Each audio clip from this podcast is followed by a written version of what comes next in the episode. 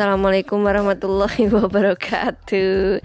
Selamat datang di dunia tipu-tipu.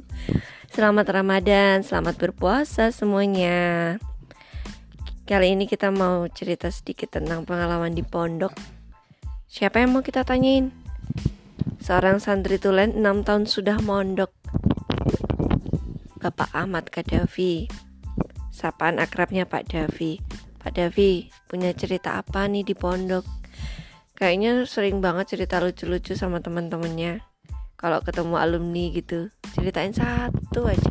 Beli buku saya di Islam kita nggak ke mana-mana.